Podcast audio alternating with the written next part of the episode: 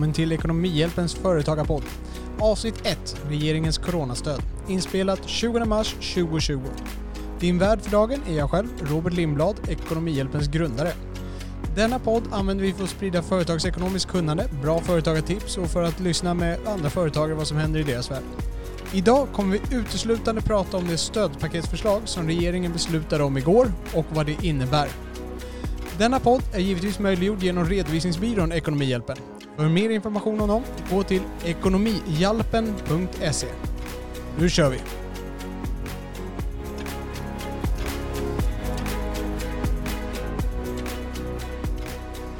Så välkomna! Jag är alltså Robert Lindblad och det här är vår allra första podcast. Det blir inte så mycket fanfar kring det, för nu är det ju lite speciella tider som vi säkerligen alla har noterat. Så därför valde vi att eh, skynda fram med den här podcasten för att kunna sprida information på ett så bra sätt som möjligt. Eh, både genom den här podcasten och genom den blogg som vi har startat och kunna då hänvisa våra kunder och kanske kunna sprida det här till andra företagare. Målet med dagens avsnitt det är att gå igenom de här beslutade förslagen. Regeringen beslutade alltså om de förslag som riksdagen sen ska formellt besluta om. Så att det här är alltså inte spikat ännu. Men de har beslutat om de förslag som ska lämnas fram och i och med att riksdagen i stort sett är enig om det här så kommer de här förslagen med all sannolikhet att gå igenom så vi kan se dem som en sanning så som jag har förstått det. Vi kommer också försöka lyfta fram vilken nytta det här har för företagare kontra för anställda. För de här åtgärderna riktas ju dels för att underlätta för företagen att överleva och dels för att få de anställda att klara av vardagen bättre och dels hålla igång ekonomin också då. I och med att de anställda så länge de har pengar kan de handla mer och då hålls ekonomin igång för att undvika lågkonjunktur. Så det som det var alltså, igår 19 mars så la de fram ett slutgiltigt förslag som de beslutade om regeringen och formellt så ska riksdagen då klubba igenom det här 6 april och 6 april är en förklaring till varför många datum vi kommer höra nu när jag rabblar upp de här olika förslagen senare är baserade på att de börjar den 7 april, det är dagen efter då de träder i kraft. Förslagen är i tre kategorier. Det ena har med sjukpenning att göra, olika formaliteter kring det. Och sen har vi då gällande korttidspermittering som ni kanske har hört att man kan minska personalstyrkan, men det vill säga man kan minska arbetsgraden hos personalen under en period och minska deras löner och få stöd för det här.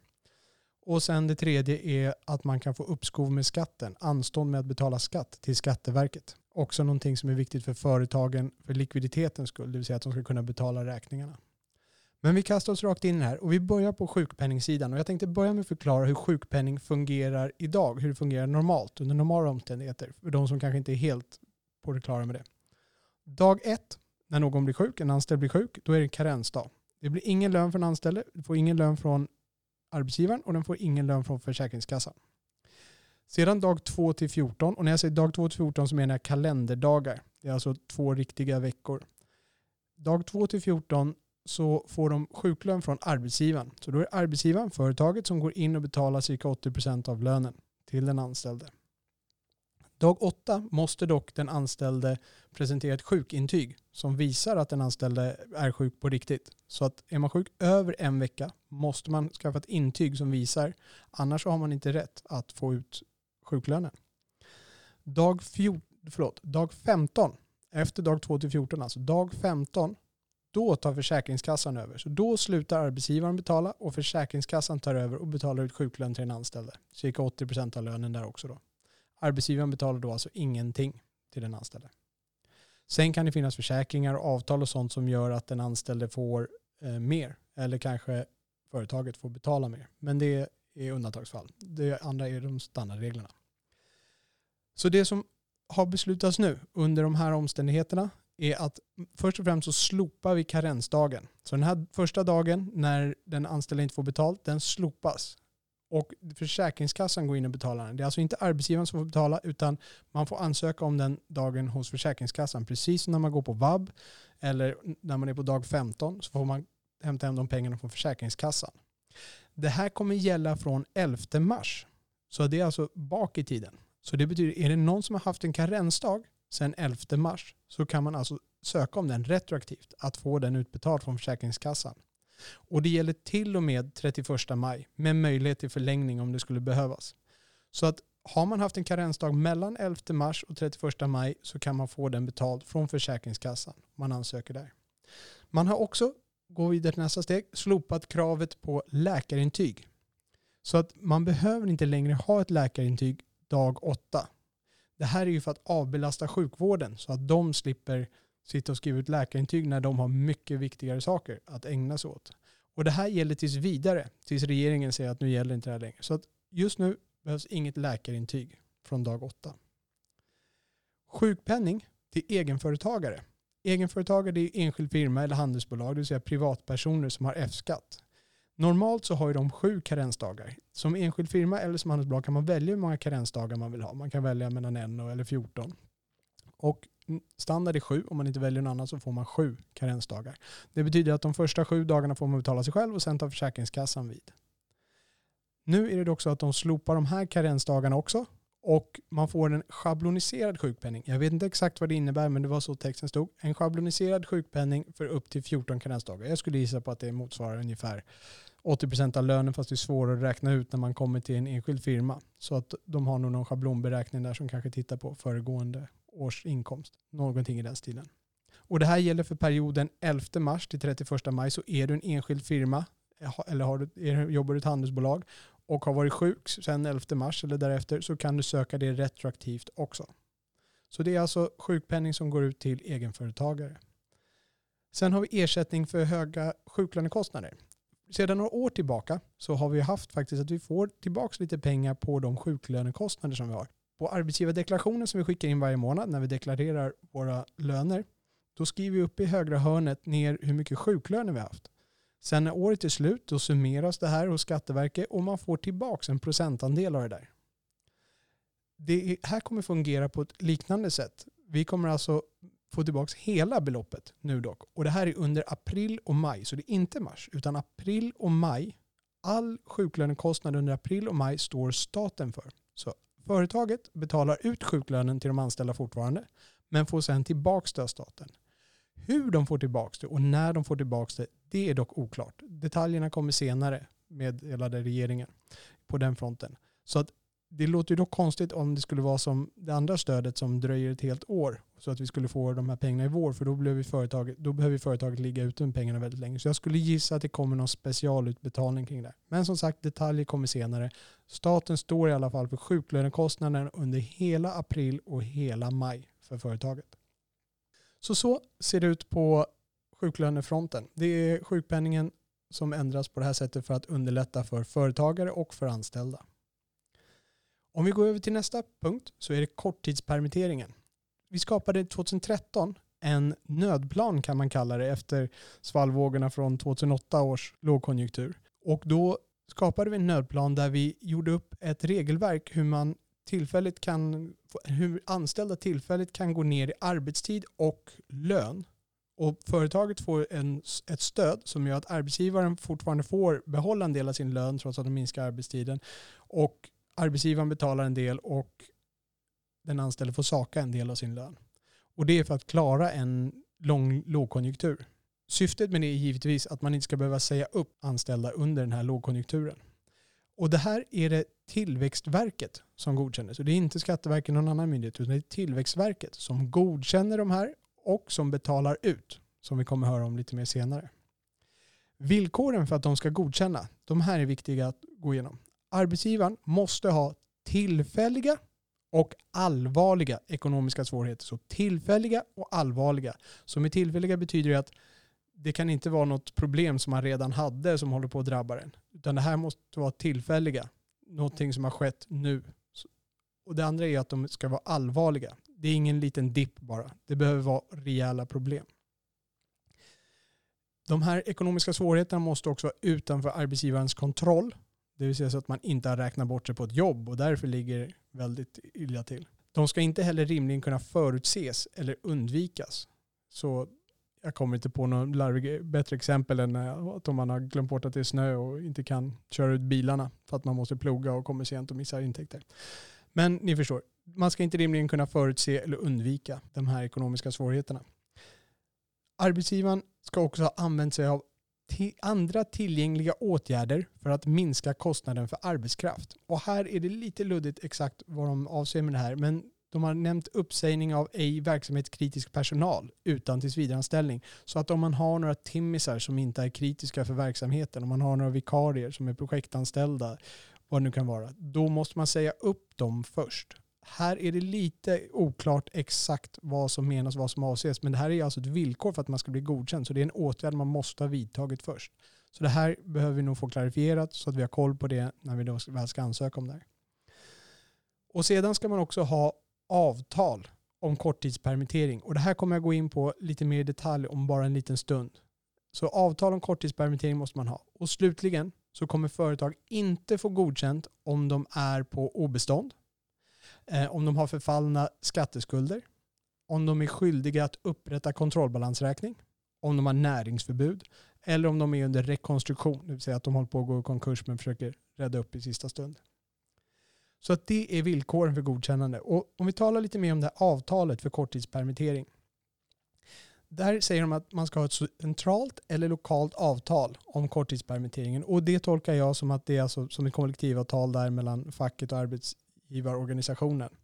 Och finns inte det, vilket antagligen gäller för de flesta småföretagare, då måste man ha ett avtal som skrivs på av 70% av de anställda på varje driftenhet. Och en driftenhet, det är om man har flera butiker så är varje butik en driftenhet. Har du flera kaféer så är varje kafé en driftenhet. Så 70% på varje driftenhet. Har du två kaféer då måste du 70% på det ena och 70% på det andra skriva under då för att det ska funka att använda på båda ställena. Så det här avtalet måste finnas. Och i avtalet ska det stå en fast procentsats som arbetstiden minskar och storleken på löneminskningen. Där finns det tre nivåer att välja på så att de här är fastställda. Det är bara att välja alternativ 1, 2 eller 3, skriva in det i avtalet och så måste 70% gå med på det här. De anställda som omfattas av det här, som man kan få stöd för, det är de som har jobbat minst tre månader före jämförelsemånaden. Och jämförelsemånaden är lite semantik. Jämförelsemånaden är den månad som Tillväxtverket godkänner ansökan. Den blir då jämförelsemånad. Så mer än tre månader innan Tillväxtverket godkänner ansökan ska personen ha jobbat för att kunna omfattas av det här. Så har man en relativt nyanställd person så kan det vara så att de inte omfattas av det här stödet.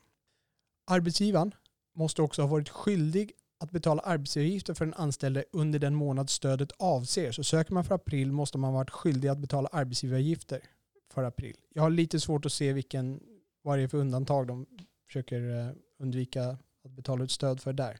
Men den regeln finns med i alla fall. Sen måste den ha samma eller högre sysselsättningsgrad som jämförelsemånaden. Det betyder att du kan inte öka upp en anställd. När du har fått godkänt kan du inte lägga upp någon på 100% och sen sänka ner dem. Eh, om de jobbade 50% innan till exempel. Och det är ganska självklart så att man inte lägger upp personalen som jobbade 50% till 100% och sen går de ner till 40% så de tappar 10 och sen får de massa pengar för det. De måste ha haft samma eller högre sysselsättningsgrad som den månad det godkändes av Tillväxtverket, alltså jämförelsemånaden. Arbetsgivaren, oftast företagaren, ägaren av företaget och hens familj omfattas ej av det här avtalet. Och med familj menar de här barn, föräldrar samt avlägsnare släktingar som bor i samma hushåll. Du får alltså stöd för din bror eller din kusin så länge de inte bor hemma hos dig. Om du bor tillsammans med din bror, då får du inte stöd för din bror. Men bor han själv i ett annat hus någon annanstans, då går det bra att få stöd. Det gäller också alla oavsett anställningsform. Det spelar ingen roll om det är tillsvidareanställning eller om de är periodanställda, vikariat. Stödet gäller alla. Det gäller även de som har anställningssubventioner, de som man får någon sorts stöd för. De får också räknas med det här. Sen säger sig självt kanske att man får ju inte både stödet för deras, den tidigare subventionen och det här stödet för korttidspermittering. Sen omfattar det även de som är uppsagda eller varslade. Vilket kan låta konstigt, de har ju slutat. Men det är ju ofta så att man har en uppsägningsperiod. Och under den perioden, om när de jobbar kvar, då omfattas de av det här stödet. Så att om det är någon som jobbar kvar så kan man ansöka om stöd för dem under den tiden de är kvar, de månader de är kvar. Sen en viktig sak där är att man ska inte göra löneavdrag om de är arbetsbefriade. Arbetsbefriade är alltså om vi har sagt upp dem, de har två månaders uppsägningstid. Okej, du behöver inte komma hit de här två månaderna, vi har ändå ingenting att göra. Då är de ju arbetsbefriade. Men man ska ändå inte göra löneavdrag för att den här regeln ska fungera. Så det om de anställda som omfattas. Så låt oss gå in lite mer på de här olika nivåerna som man kan minska arbetstiden på och hur det fungerar. Det finns tre nivåer att minska arbetstiden med. Man kan minska den med 20%, med 40%, med 60%. Det står inte helt klart om man måste minska allas tid med samma eller om man kan applicera det här individuellt eller kanske till olika grupper. Till exempel det kanske är en marknadsföringsavdelning som man kan permittera i mycket högre grad än de som jobbar nere i butiken som faktiskt har jobb kvar att göra. Så att det är inte helt klart, men det är information som vi ska röna fram också. Men 20, 40 eller 60 procent kan man välja. Och då fungerar det så här. Till exempel om man väljer att man ska minska med 20 procent, då skulle den anställde normalt ha fått 20 procent mindre lön. Då delar man på den här löneförlusten genom att den anställde sakar 4 procent. Så de går ner i 20 procent, men de får behålla 16 procent av lönen. De missar 4 procent. Arbetsgivaren betalar 1 procent och staten betalar 15 procent. Så av de här 20 de missar så får den anställde saka 4, arbetsgivaren sticker till 1 procent och staten sticker till 15 procent. När man är uppe på 60 procent, om man minskar arbetstiden med 60 procent, då betalar staten 45 procent av det man missar. Av de här 60 procent som man missar betalar staten 45 procent av lönen. Arbetsgivaren sticker till 7,5 procent av lönen och den anställde sakar 7,5 procent. Den här tabellen och lite räkneexempel finns i anteckningarna till eh, det här poddavsnittet. Så gå gärna in och kika på det. Där finns det också all den här informationen som jag går igenom i punktform så att ni kan kolla och komma ihåg vad vi pratar om. Så så är de tre olika nivåerna som man kan välja på. Och man behöver välja någon av de här nivåerna för att det ska vara godkänt som jag förstår det. Man kan inte hitta på en egen variant. Sen finns ett lönetak och det är 44 000 kronor. Vad det betyder är att det betalas inte ut stöd för löner över 44 000 kronor. Tjänar någon över 44 000 kronor så är det inget stöd för den del av beloppet som är över 44 000 utan stödet beräknas som om lönen vore 44 000 i alla former. Och hur kan man då beräkna det här stödet? Det finns en enkel formel för att beräkna hur mycket stöd man kommer att få. Och den här formeln tar hänsyn till frånvaro, vilket ju måste göras. För du får inte stöd för dagar du kanske är hemma och vabbar. Då får du ju annat stöd från Försäkringskassan eller om du är sjuk. Så formeln ser ut så här. Du tar 98,6 procent, det är ett fast, det är alltid 98,6 procent, gånger ordinarie lön kontant, gånger arbetstidsminskning, gånger närvarokvot. Så enkelt och klart. Nej. Den ordinarie lönen, det är ju vad du får lön före skatt helt enkelt. Så 98,6% gånger säg 30 000. Vi har en person som tjänar 30 000. Så 98,6 gånger ordinarie lön kontant 30 000. Gånger arbetstidsminskning. Och arbetstidsminskning det är den här procenten som vi gick igenom här. Säg att i det här exemplet så valde vi 60 procent, Vi går ner 60 procent, maximala. Då är 98,6 det fasta beloppet gånger lönen 30 000 gånger arbetstidsminskningen 60 procent i vårt exempel gånger närvarokvot. Och närvarokvot, det är hur mycket man har varit närvarande av det man skulle jobba. Om det är en person som skulle jobba 20 dagar den här månaden, men gick på semester i två dagar, eller var sjuk i två dagar, eller vabbade i två dagar. Då har hon varit frånvarande i två dagar. Två dagar av 20, det är 10 procent. Och det betyder att de har varit närvarande resten, 90 procent. Så då är 90 procent närvarokvoten. Så då blir det det fasta procentbeloppet 98,6 gånger ordinarie kontantlön 30 000 gånger arbetstidsminskningen på 60 procent, den man har valt gånger den här närvarokvoten på 90 procent. Då får du fram beloppet som du får i stöd från Tillväxtverket förutsatt att du blir godkänd.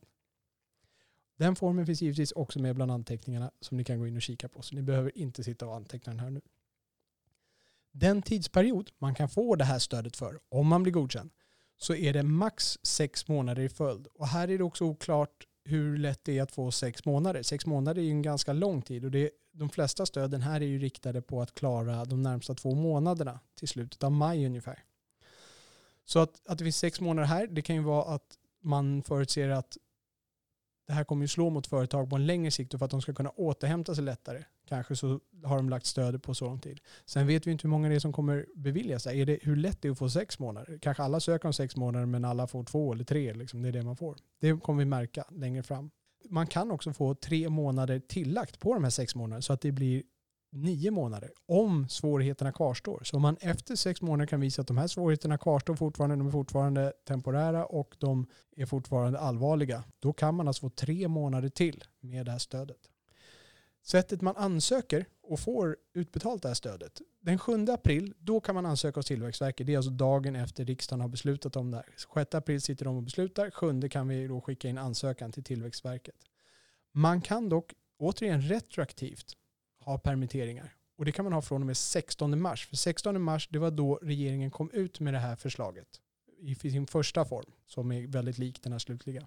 Det blir dock lite kruxigt där, för att om man nu sitter den 16 mars eh, och permitterar sin personal nu, det är fortfarande några veckor kvar till 7 april där vi kan skicka en ansökan. Vi permitterar vår personal eh, nu, skriver under avtalet, alla är med 70% och så skickar vi in den här ansökan sen om ett par veckor och får nekat. Vad händer då? Vem ska stå för den här kostnaden?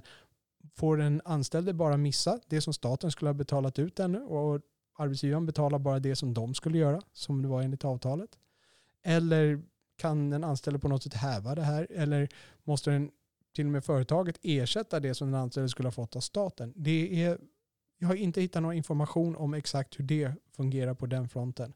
Så när man permitterar då retroaktivt, där måste vi se vad händer om man inte skulle få godkänt. Får man godkänt är det givetvis inga problem.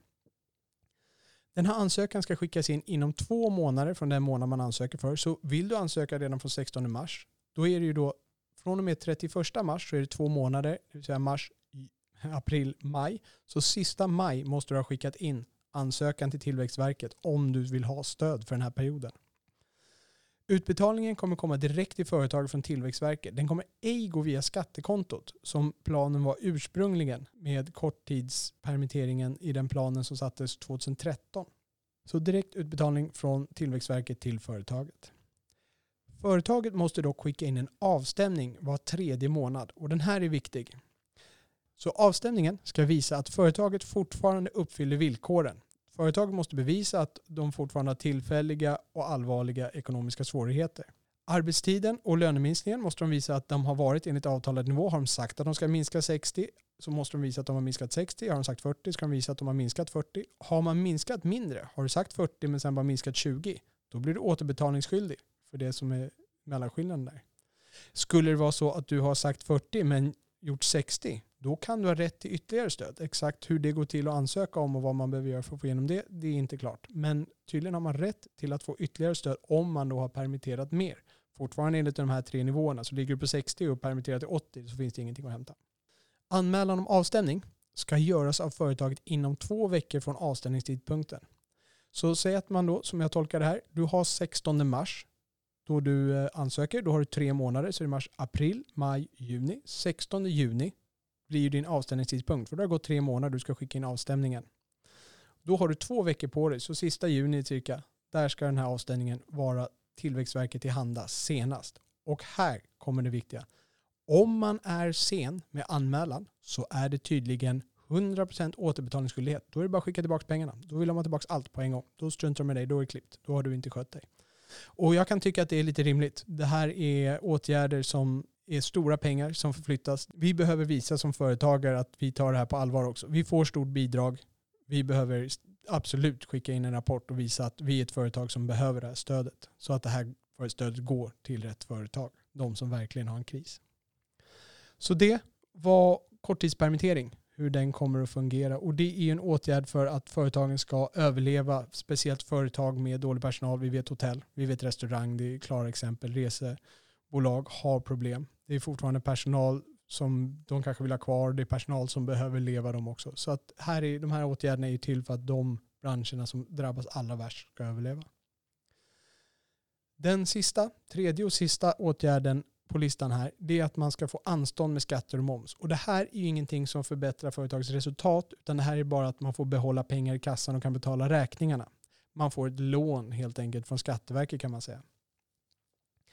Det är ett tillfälligt anstånd som man får och det gäller den månatliga preliminärskatten, det gäller arbetsgivarskatter, det gäller månads och kvartalsmoms. Det gäller inte årsmoms. Så ni som betalar moms på månad och kvartal kan ansöka om det, men ni som betalar moms en gång per år kan inte söka om momsen då om få anstånd med den. Det gäller också högst tre månaders moms, arbetsgivaravgifter förlåt, arbetsgivarskatter och preliminärskatt. Det betyder att du kan välja ut och ansöka att slippa februaris, mars och aprils. För att då hade du kanske särskilt mycket lönekostnader eller någon, väldigt mycket moms att betala. Så du kan söka för de tre månaderna. Så du får välja ut högst tre månader.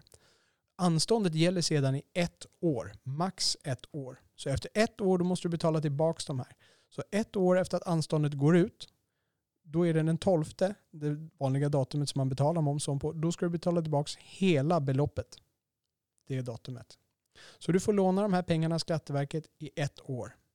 De perioder som man kan välja mellan när man ansöker om sina tre månader, upp till tre månader, är januari till september 2020. Så man kan alltså återigen söka retroaktivt här. Så har du betalat mycket moms och löneskatter i januari, februari, mars, då kan du ansöka om att få dem. Och då får du tillbaka dem. De har ju Skatteverket med all sannolikhet redan fått. Då sätter de tillbaka de pengarna till dig.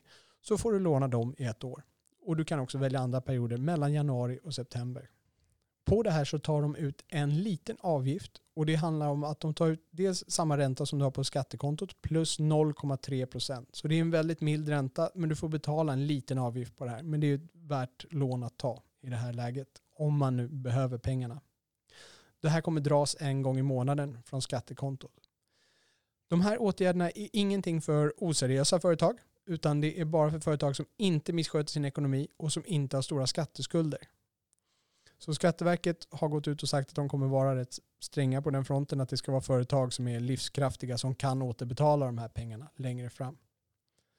Det här kommer träda i kraft den 7 april och från den 7 april så kan alltså Skatteverket bevilja anstånd, men man kan ju då söka retroaktivt för perioder som sagt från januari och framåt ända till september att få anstånd med betalningarna där.